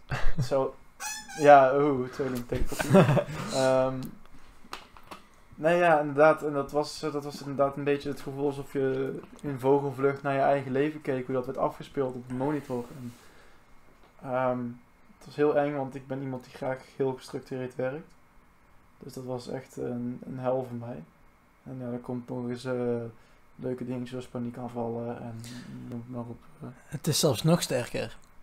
Jij. Het gaat jou niet per se om gestructureerd. Jij bent heel erg van, ik moet controle hebben. Ja, nou ja, ik hou inderdaad van controle over situaties. En wat, we hadden dat vroeger als we dan in Frankrijk waren, in het, in het huisje. En het begon te onweren. Mm, ja. Ik, ik, ik weet niet of ik dat mag delen voor Ja, jou. ga je gang. Ga je gang. Ehm, maar wat we dan dus hadden is dat eh, Luc panikeerde dan altijd. Mhm. Gewoon puur om het feit van dat hij op dat moment geen controle had over het weer en dat er gevaar was. Of ja, in mijn hoofd. Ja, en ik denk dat dat iets is wat bij Luc altijd is blijven hangen. Ja. Dat er op bepaalde manieren gevaar is waar hij geen controle over heeft. Hmm. En ik denk dat jouw kunst daar is om daar rust in te vinden. Dat is wel een zoektocht. Hoeft niet morgen of Nee, gisteren opgelost te zijn, maar... Nee, dat is zeker. Ik, eh, en dat ging ook nog eens gepaard met een slechte periode waar ik toen doorheen ging naar een eh, niet zo'n leuke break-up en zo. En die kent het allemaal wel, jazz. En eh, ja, dat. Dus dat was een eh nare periode, maar dat was uiteindelijk ook een beetje de, de, het laatste domino stukje of de catalyst ehm, van mijn creatieve bestaan, om het maar even zo te zeggen. Dat was echt hetgene wat mij heeft afgeschoten, zeg maar. Dus daarom creëer je. Nou, ik denk dat het een, dat, dat, dat zou niet de definitie zijn van creëren, maar ik denk, ik denk dat het voor mij zo'n uitvlucht was uit mijn realiteit die destijds niet aangenaam was. Dat ik maar mijn eigen wereldje ging creëren met mijn creativiteit en dat ik daar zo ja, mee omging of zo. En dat ik toen daaraan vast bleef houden, ook nadat het voorbij was. En is het dan Ehm, Hm? is het een zoektocht naar de controle? Eh, zeg maar naar dat houvast? Van misschien je Nee, eigen ik denk dat wereld? het meer een zoek, ik denk dat het meer een, een zoektocht is naar de controle loslaten in plaats van Ja, precies, dat wil ik ook zeggen. Of is het naar de naar- controle zelf. Nee, ik denk dat het een, inderdaad die zoektocht is naar het, het leren loslaten van controle. Ja, een dat soort vind ik dus acceptatie. het- Ja, acceptatie. Dat vind ik dus het, het allermooiste aan eh, bijvoorbeeld een ervaring zoals truffels nemen. Eh, wat, dat was voor mij ook het allermoeilijkste. Het is gewoon letterlijk van er gebeurt iets en het overrompelt je zo. En het enigste wat je moet doen is gewoon zeggen: Oké, ik ga mee. Dus op dit moment geef ik me over aan het gevoel en ik, en ik ga verder met waar ik mee bezig ben. Ik accepteer het. En die acceptatie is iets wat zo ongelooflijk lastig is om te doen voor heel veel mensen. Vooral voor mensen die heel veel nadenken. En niet alleen in, met truffels, maar gewoon in het algemeen in het leven. Denk ik dat je gewoon zegt van oké, ik ga hierin mee. Wat er gebeurt, gebeurt er. Ik denk dat dat voor heel veel mensen heel moeilijk is. Hele lastige vraag. Oh god. Lau Ja. en Sam. In die volgorde ook beantwoord alsjeblieft. Ehm, zijn jullie bang van dood? Oh, daar hebben we al een keer over gehad. Hebben jullie het er al Hm. over gehad? Ja, maar ze kunnen het nog eens antwoorden. Ik bedoel, het is een interessant onderwerp. Dus ga je... Nee, maar we hebben er zelf niet op geantwoord volgens mij. Ja, maar Over kijk, klopt. We hebben het er wel over de dood gehad, maar niet over of we bang zijn om, of we zelf echt bang zijn om dood te gaan. Wel, hebben we dat daarover gehad? Ik niet. denk een klein Nee, beetje. volgens mij niet. Misschien in een persoonlijk gesprek dat niet opgenomen is of zo. Oké, nee, maar inderdaad, ik ben benieuwd. Door. Nee, ik denk het niet. Ik, ik heb een paar weken geleden eh, de uitspraak gedaan. Dat was op een podcast trouwens. eh, Hm. Dat ik misschien wel emotioneel dood ben gegaan ooit. Oh ja. En ik denk dat vanaf dat moment, zeg maar. Zo. eh, Zo. ja, Echt. het is Echt. loaded, maar het, eh, het is allemaal niet zo. Nou ja, misschien ook wel. Ik zeg altijd wel dat het niet zo intens is als het klinkt, maar. Onderschat ik dat ook wel. Maar goed, nee, ik, ik. zelfs ik niet reduceren, zo'n uitspraak. Hm, Het is wel een, het is wel een geladen uitspraak. ja. Ja. Het is ook Ja, niet nee, iets, als ik iets als- waar ik zeker van ben, zeker niet.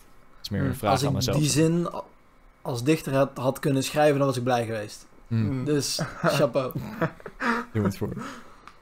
Ja. Maar, Maar- ja, ben ik bang voor de dood? Nee. Ik, heb, eh, Nee? ik denk dat dat veel, veel te, te terug te brengen is naar mijn paniekstoornisperiode. Dat is anderhalf jaar terug of zo, twee. Omdat je daar gewoon dagelijks in zat van oké, paniekaanval, ik ga dood. Paniekaanval, ik krijg een hartaanval. Paniekaanval, ik val flauw, ik ga dood. Weet je, dan, dan ben je dagelijks bang voor de dood en langzaamaan kom je daaruit. Psycholoog, psycholoog dit, psycholoog dat. Je pakt je leven weer op Hm. en dan uiteindelijk heb je die controle weer terug om de controle er even bij te pakken. Ja. En dan is het zo van, nou ja, dit is het leven. Klaar, we gaan, go. Als ik nu dood neer zou vallen, prima. Als ik pijnlijk zou sterven, ja. Super jammer, maar als ik dan toch dood ga... Heel kut. Heel jammer. Heel kut. prima. Oké, ehm, Sam Sam, was het. ja. Ja, ik heb het tegenovergestelde eigenlijk. Ehm, Ja, ik bang om dood te gaan? ik, ik, ja, ik, ik, ben, ik, ben, ik ben bang om dood te gaan. En ik heb ook best wel veel paniekaanvallen. Laatst tijd, de afgelopen Hmm. twee weken, drie Ja. weken wat minder. Maar ook dat ik hartkloppingen heb. Dat ik denk, ik ga dood. Dit is het. eh, ik ga vandoor. My time has come. Ja, en, precies. En Sam, wat is het dan per se aan het doodgaan waar je bang voor bent? Eh, daar heb ik het de vorige aflevering over gehad. Die quote van Claire Wineland. Eh, ik ben bang om dood te gaan omdat ik niet wil verliezen wat ik heb. En ik denk dat dat het heel erg is. Ik wil niet verliezen dat ik... Hm. Ik ja, ik, ik, wil, ik wil deze mensen die me dierbaar zijn, die ik lief heb, die mij lief hebben... eh, de dingen waarvan ik kan genieten, dat wil ik, wil ik niet verliezen. En ik denk ook... De dood is best wel een groot onderwerp geweest in mijn leven. Eh, ik heb het in Mm. aflevering 1 ook gezegd. Eh, mijn moeder is overleden toen ik drie was. En tussendoor zijn opa's, oma's overleden gewoon. Ik weet niet, dus dat is ook best wel... Hm. eh, eh, ik weet niet, het, het, het- de dood is altijd wel bij me geweest als het ware. Of om me heen geweest Mhm. in ieder geval. Ja. Maar dat maakt niet dat ik het Ja. niet eng vind. Of zo. Hm. Oké. Ik begrijp Zo, wel ik wat je vind bedoelt. het... eh, ik vind Nee, dat is helemaal logisch, weet je. Het is ook een lastig onderwerp. Kijk, wat, wat ik heb, ik heb een hele goede relatie met wat mensen dood noemen. En ehm, ik heb dit al zo vaak tegen mijn ouders gezegd. Ja. En mijn moeder vindt dat heel frustrerend. Ehm, want ik zeg altijd van... Ja, mijn stoel kraakt, excuses. Eh, ik zeg altijd, als ik morgen dood ga, is prima. Weet je, want ik, ik geloof echt dat ik vrede heb in mezelf met wat er hierna komt. Of er iets hierna komt, prima. Want ik, ik had laatst de vraag ehm, in mezelf van wat, wat gebeurt er nadat je dood bent. Want dat is dan voor mij wel een groot hoofdstuk. En toen betrapte ik mezelf erop dat ik voor de eerste keer echt bang was voor het antwoord dat ik in mezelf vond. Want ik lag toen in mijn bed en ik was naar Pink Floyd, eh Dark Side of the Moon aan het luisteren. Terwijl ik copious amounts of reefer in mijn longen had. Eh, en toen kwam ik eigenlijk op het antwoord van... Oké, als, als ik aan mezelf vraag van wat is het na leven... Moet ik kijken naar wat was er voor leven. En ik denk dat dat precies hetzelfde is. Mhm. Denk je dat? En ja, ik denk dat... Ik kan niet uitsluiten dat er hierna niks is. Ik kan niet uitsluiten dat er wel iets is. Ehm, maar wat er ook gebeurt, ik ben blij om mezelf eraan over te geven. En of het nou morgen is, dan zou ik het jammer vinden, want ik zou nog veel kunnen doen. Maar ik heb er vrede mee, want ik heb al veel gedaan. En ik vind dat die balans in je leven heel belangrijk is. Want bij onze, toen onze, we zijn de laatste negen maanden of zo in een hele korte tijd Ja. op elkaar twee grootouders kwijtgeraakt. Hm. En Ja. ik was nooit echt verdrietig. Ik vond het wel jammer dat ze weg waren. Hm. Maar ik, ik, ik was aan de ene kant heel blij voor ze. Want voor mij waren ze al lang dood. Want we hadden allebei een hele lange leidersweg Ja. gehad van ziektes. Hm. En toen dacht ik van oké, maar dan is het een soort van hulp geweest voor hun dat hun verder konden gaan. Verlossing of zo. Wat ik... Ja, dat- precies. Dat, dat zei je ook inderdaad altijd. Ik weet nog dat wij het huis uitliepen van Bomma toen, in, in, ik denk twee weken voordat ze stierf of zoiets. Toen zei ik van ze heeft niet lang meer. Nee, wij liepen allebei de deur uit inderdaad. We zeiden allebei tegelijk van ja, die, die is eigenlijk al dood. Ja, precies. Ehm, dat, niet op een oneerbiedige manier, maar dat was meer zoiets van: oké, de, de persoon die wij kenden is er al lang niet meer. Dat was ook met onze opa, die werd eigenlijk ja, gereduceerd, zoals ik het al een keer eerder heb gezegd in een podcast, tot van, van een van ambitieuze, frivoleuze man tot, tot een, ja, een, een, een, een kastplantje in een, in een bed. Ja, hij was echt een icoon. Ja, onze opa was- was, een icoon. Kijk, ja. wat je moet begrijpen over onze opa is, die kwam altijd in pak. Hm. Lange jas, hoed. En iedereen wist altijd als hij binnenkomt van dit is de guy, weet je wel. Ja. En als je dan op een gegeven moment hem in bed moet leggen en zijn, eh, zijn plaszak moet verschonen en die dingen, weet je, dan, dan eigenlijk pleeg je dan in jezelf karaktermoord op die persoon. Mhm. En dat, dat is heftig. Maar ik denk dat daarom doodgaan lastig is, omdat sommige mensen hun identiteit kwijtraken en dat dat een beetje het moeilijk is. Ja, zeker. Ik heb de laatste tijd ook, ehm, zoals jij zei, ik was wel, ik, ja, ik- jij was niet verdrietig. Jij was inderdaad, jij vond het lastig dat ze er niet meer waren. Dat is iets anders, volgens mij. Ja, ik was wel, ja, toen ik het nieuws hoorde was ik verdrietig, maar ik heb inderdaad de laatste tijd keer inderdaad, nou ik het moeilijker heb, niet met het feit dat ze, dat, zeg maar, dat ze gestorven zijn, daar ben ik niet verdrietig over, maar ik mis het wel heel erg. Ik had de laatste tijd toen, ik ben ik zie mijn pompa, nu veel vaker, dus van mijn overleden oma. En het is nu ook wel heel positief dat ik nu heel veel tijd met hem spendeer. En hem van een hele andere kant zie. Ehm, ja, het is, toch, maar het is nog steeds inderdaad een wel gemis. Denk ik. Ik, eh, ik weet niet of ik, Sam, of ik jou hierover iets mag vragen, want het is best wel een moeilijk onderwerp voor jou. Tuurlijk. Heb jij, denk je dat je veel hebt gemist, omdat je op zo'n jonge leeftijd je moeder bent verloren? Ja. Maar ik denk ook heel erg ehm, dat ik heel veel ervan heb geleerd. Dat mensen die, die niet zoiets hebben meegemaakt op een bepaalde manier ook iets hebben gemist. Want ik denk dat ik op die manier heel veel leesverzaging en heel veel ehm, Mm. op een bepaalde manier dat ik er al eerder over ben gaan nadenken. En dat ik daar misschien. Hmm. Ja, ik weet niet. Ik, ik, ik, Mm. tuurlijk, ik heb haar gemist. Ik heb, ik heb haar als moeder gemist. Als in mijn opvoeding. Ik heb haar nooit gekend. Ja. Ik weet niet hoe ze. Hoe, hoe ze. Hoe het? Hoe ze was eigenlijk. Daar heb ik geen bewuste herinneringen van. Dus dat heb ik absoluut gemist. En dat is diep triest, natuurlijk. Ja, dat is triest. Eh, Sam, Maar ik ik, denk- moet wel even zeggen. ehm, ik moet aan ene kant zeggen, je, je bent natuurlijk een heel groot deel van je fundering in het begin heb je niet gehad. En ik wil je wel even credits geven Hmm. dat je de persoon bent geworden die je nu geworden bent, ondanks zij dat je die fundering niet had. Hmm. Want je bent, je, kijk, je, je bent wel gewoon iemand die, in mijn opinie en de rest die hier ook is, iemand die meer bezig is met waar ze zijn en goed op weg zijn om een, om een volledig persoon te worden.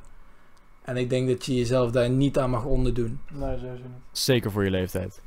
Ja, ik ben Absoluut. 17. Op, je ze- op mijn Oh, 17e shit, was ik echt nergens in de buurt. Nee. ja, ik ben En pas niet, alleen 17. dat, niet, alleen, niet alleen dat, maar ook gewoon. Dat is iets. Dat kan je echt. Dat kan je zo. Dat kan zo kreupelend zijn. Geen moederfiguur in je leven hebben. En dan heb je gewoon aan jou de keuze om dat op te pakken. Dat op je schouders te zetten. En, en te gebruiken als vloeistof. Voor, of brandstof voor je motor. Of inderdaad gewoon. ehm, ja, het, het, laat, het, het je laten opvreten. En natuurlijk is het soms lastig en mis je iets, maar je bent. Ik denk dat jij voor het, tweede, eh, voor het eerst hebt gekozen. Dat het dat jou tot nu toe best goed heeft gedaan. En ongetwijfeld zou het soms nog moeilijk zijn, maar ik denk dat jij, net zoals mijn broer al zei, heel goed op weg bent. Zeker voor iemand van 17. Ik, eh, toen ik 17 was, was ik eh, een stuk miserabeler als jij, dus eh, je Ja, ik ook. bezig. Ik ook. Ja. Nee, daarvoor credits inderdaad, dat mag gezegd worden. Dankjewel. Nou, uiteindelijk naar ons allemaal ook. Ik denk dat we, als ik zeker naar, misschien mag ik dat niet zeggen, maar ik denk als ik rond mij kijk dat we, wij vier in ieder geval, en ook veel mensen rond mij redelijk sensible, welgesproken, geïnformeerde, ambitieuze jonge heren zijn. Toch? Ja, Dat mag je toch van jezelf zeggen. Eens? Ja. heel erg. Dus is- is dat een mooie noot om misschien af te sluiten? Eh, ja, en ik wil, eh, Kun je nog iets vragen? nou, ik wil ten eerste Sam echt bedanken voor het delen. Ja, ook. Sowieso. Want Jullie vind allemaal ik, trouwens dat- voor het delen van, van jullie verhaaltjes. Ik waardeer het heel erg. Ehm, mooi om te horen ook dat iemand een andere mening heeft dan mij, wat dan toch wel redelijk wat impact heeft. Want je kunt soms vast blijven hangen in je eigen theorieën. Ja.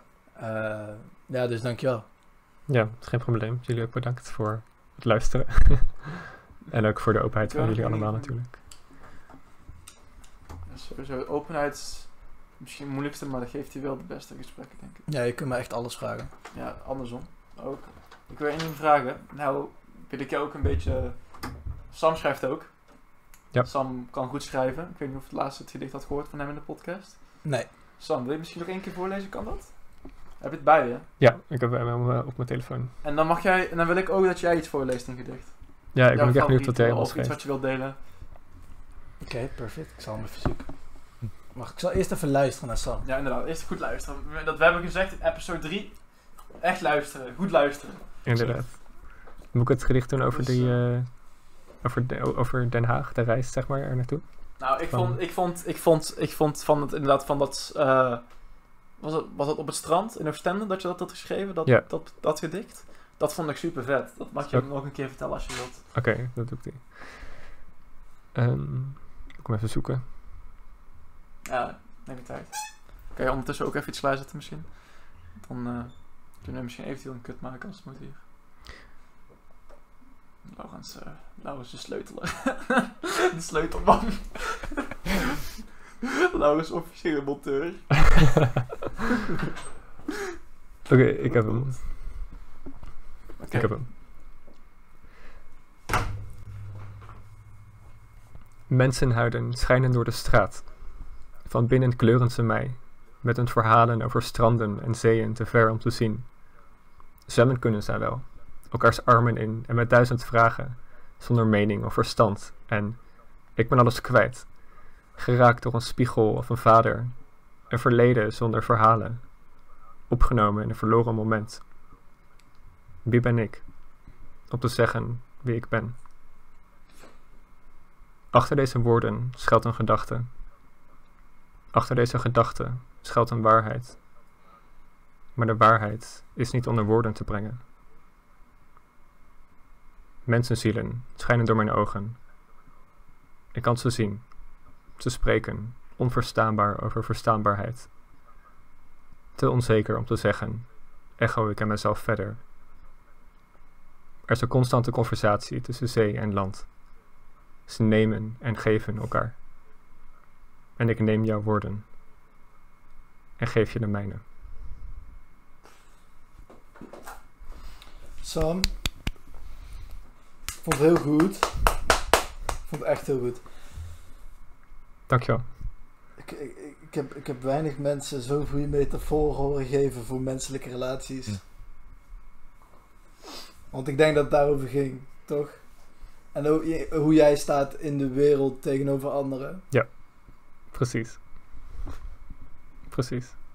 Oké, ik zal die voor mij verzoeken. Ja, ik vond het knap. Ja, ik vond het ook Echt knap. goed. Ehm, ik heb hem.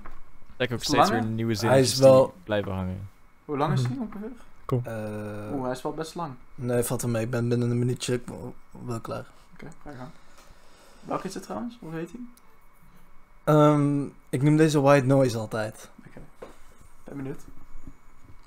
Ben ook benieuwd. Ik ga even mijn koptelefoon afzetten, anders hoor ik mezelf twee keer. Oh, heb je dat de hele tijd Dat gehad? is wel in het Engels. Uh, time is relative. Just like my opinions and experiences. My time is relative. A day might feel like a second, but an hour can feel like a week. Unfortunately, the latter is true. My day was busy, but as hollow as can be. My feelings have flatlined and left me numb. My body feels drained and my brain is obsolete. I speak a lot but don't talk often. I perceive but don't see, but most of all I sense but don't feel. Just like this pen, I feel confined between the lines, a laid out path that I will always take. Nothing feels significant, nothing has weight or impact, just like a meteor that has crashed into a pillow in a soundproof chamber. With no one to see it fall or hear it crash, I have grown accustomed to noise. White noise, that is. A sound that tickles my brain like static in a television. It drives me mad, but I do not have the remote. My chains have been cut loose, but I am petrified to flee. I am mortified to escape, even though I have been craving that exact sensation. Captivity is indeed comfort. It has given me guidelines and routines that I couldn't make myself, nor did I ever attempt it. I bathed in the chaos. I would let the anarchy flow in my pores like poison in a cup. I would soak up all the despair like a nihil sponge. The boxes are fighting. The one with the black trunks is winning, I think. I can't keep score, they have been fighting for over a year and still no winner. I hope my sanity wins. Time is relative, just like my experiences or opinions. One thing that is certain is that certainty is not only insane but impossible. And of that I'm certain. Ja. Damn.